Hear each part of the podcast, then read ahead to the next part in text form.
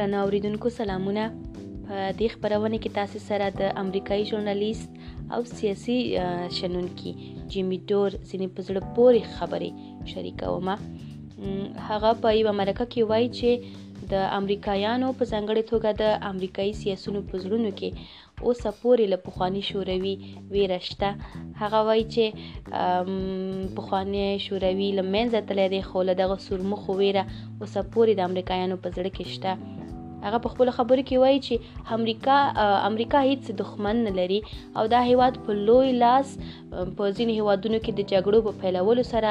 د ځینو ترهګریزو ډلو په ایجادولو سره ځانته دښمن لټوي او دښمن پیدا کوي او یوازینی علت یې دا دی چې دا هیواد اوسه پورې له روسیې ویره لري هغه په خپل خبرو کې وایي چې د امریکا سیاست خای بدلون ونه مومي کله چې په لومړي ځل باندې په دې هیواد کې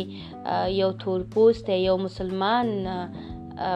ولسمشر وټاکل شونو هیله مندۍ دا وی چې کېدې شي د هیواد سیاست په ځانګړي توګه بهرنۍ سیاست بدلون ومومي خو له بده مرغه بارک اوباما هماغه کارونه چې له دې وړاندې ولسمشر بوش تر سره کړي وو هماغه کارونو کې لا زیاتونه رامنځته کړله دوه نوې جګړې پیل کړلې او شپږ دیرش زره بمونه یې په سوریې ویشتل هغه وایي چې دا لړۍ به همداسې دوام ولري د د هغه په وینا د کمیډین او د یو رشخند کس لکه ډونالد ترامپ د ولسمشر د ټاکل کېدو تر شا هم ځینې داسې رازونه شته چې خای عام ولس په پوی نشي هغه وایي چې د امریکا څارونکي ادارې او کارکونکي ټول په پیسو اخیستل شوي دي او دا هغه کسان دي چې هیڅ چاته رښتیا نه وای ان ولسمشر ته هم رښتیا نه وای او ولسمشر ترامپ هم له ډیرو حقایقو د د په وینا نه خبره دی دی وایي چې د یو څیړونکي ژورنالیست په توګه د له هغو حقایقو خبر دی او ځکه یې له ټولنې سره د مختلفو پلاتفورمونو له لارې شریکوي ځکه چې دا په پیسو اخیستل شوی کس نه دی دا یو خپلواکه سیړونکی ژورنالیست دی او هغه څېړنې چې دا تر سره کوي او کوم معلومات چې دی ترلاسه کوي هغه به له عام وګړو له کسانو سره شریکوي د په ټوله کې د امریکا په سیاست باندې ډېرې زیاتې نیوکې لري هغه د خپل خبرو په ګدو کې وایي چې د فیک نیوز یا د ناسمو خبرونو اصطلاح چې اوسنۍ ولسمشر د امریکا ولسمشر ډونالد ټرمپ په خپل خبرو کې ډیر استعمالوي له ډیری خبريالانو سره ناسم چلند هم کوي حقیقت دا دی چې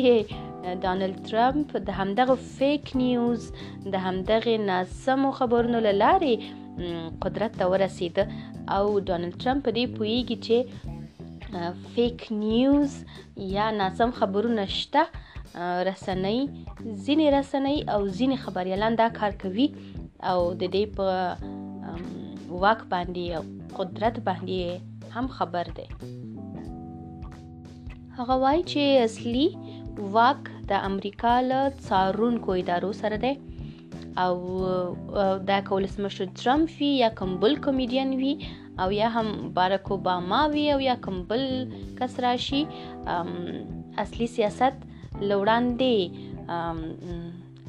په اصطلاح پلان شوی دی او هماغه به تطبیق کیږي نوي کسان نوې سیاست نشي کولای نوي کسان پخوانی سیاست پر مخ وړي هغه په خپل خبرو کې وایي چې په امریکایي رسنیو چې د شپږو لویو ادارو لخوا کنټرولېږي او په اصطلاح څښتنې هم همدغه شپږ ادارې دي او دا شپږ ادارې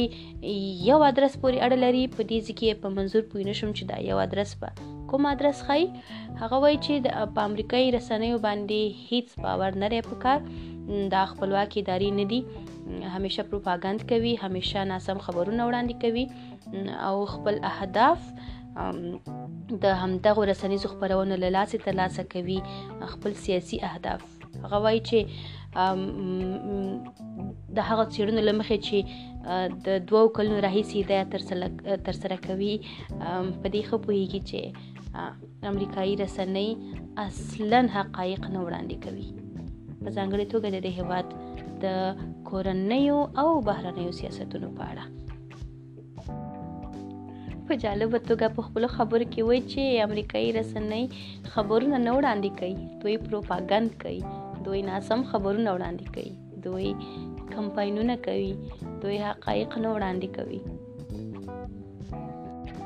خپل خبرو کې همدارنګه زیاتوي چې امریکایي رسنۍ فکت یا حقایق نه وړاندې کوي یوازې د ځینو ځانګړو ډلو نظریات وړاندې کوي د غوي نظرونه د خبرونو په شکل وړاندې کوي د غوي مثلا یو هیواد کې چیرته د امریکا غواړي چې جګړه کې دخیل وي د هغې جګړې لپاره یو ډول تبلیغ کوي او د هغه تبلیغ په خپله ګټه وړاندې کوي او داسې خبرونه وړاندې کوي چې امریکا باید په دې جګړې کې دخیل وي یا امریکا باید دا کار وکړي د امریکایانو لپاره یې کوي در حاله کې چې دا هیڅ حقیقت نه لري خپل خبرو کې څو ځلې وویل چې د امریکا متحده ایالتونه یو مافیایي هیواد دی جیمی دور په یوټیوب کې یو ځان خپلې چینل لري زه همیشه تعقیبوم ډیر لیدونکو هم لري او لیدونکو کې چیرته تاسو هم وخت درلود او یا یې مینوال یاست کولای شئ چې د جیمی دور یوټیوب چینل هم تعقیب کړئ په ډیرو جالبو موضوعاتو ډېرې ښې خبرې کوي او کله چې خبرې زه خپل اورم نو ماته داسې ښکاري چې ټولې خبرې حقیقت دی او حقیقت وړاندې کوي په خپل ټولو خبرونو کې ډیره نیوکه د امریکا په سیاستونو کوي په ځانګړي توګه ډیره سخته نیوکه کوي چې ولی امریکا داعش رامنځته کړ ولی امریکا د سوریا لیبیا او عراق افغانستان په جګړو کې لاس لري ولی امریکا خپل کورنیو چارو ته متوجه نه ده ولی امریکا په خپل ځواکونه نورو هیوادونو ته لیږي ولې امریکا له روسیې ویره لري او دا خبرې لکه لکه لکه ځینې خبریالان یا ژورنالیستان چې هسې هوایي خبرې کوي هغه څه خبرې نه کوي جیمی دور یوه ښه ځانګړنه دا ده چې د هغې هره خبره مستنده ده څېړنه یې کړې ده اسناد لري مدارک لري د هغوی لمخې خبره کوي او دا حقایق وړاندې کوي د جیمی ډور په څیر خبرې د یو چیرونکي یا یو ژورنالیست خبرې هر چی ته نه پیدا کیږي درنو اوریدونکو امریکایي رسنۍ یا نورې رسنۍ اصلا نه غواړي چې د جیمی ډور په څیر کسان رڼا ته راشي ډیری خلک دغه غږ واوري او ځکه چې عام وګړي چې کله دا خبرې اوري واضح ده چې ور باندې به تاثیر هم لري ور سره به همغږي نو په همدې ډول باندې جیمی ډور چې زما په نظر یو ځانګړی استعداد او ورتیا لري څومره چې باید ورته امریکایي رسنۍ وخت ورکي هغومره نه ورکول کیږي دا په خپل یو شخصي یوټیوب چینل لري امریکایي رسنۍ که واقعا بې پلوه وي بې طرفه وي نو کولای شو چې له دې د د لورتیا استفاده کړې وي دومره ښکلي خبرې کوي دومره په استدلال او منطق برابرې خبرې کوي چې خلک ورته ایران پاتې کیږي زه ورته ایران پاتې کیږم نو دا حقیقت دی چې د د خدای چې یوټیوب شته دی د یوټیوب لاره هغه دی کولای شي چې خپل غږ تر خلکو ورسوي خو له یوټیوب د لوی پلیټفارمونو ورتیا هم په جمیدور کې شته دی خو له بده مرغه د د نظر د د دغه استعداد د دغه حقایق وړاندې کول د دې سبب ګرځېدلی دی چې کېدای شي دې ته ډېره موقع برابره نشي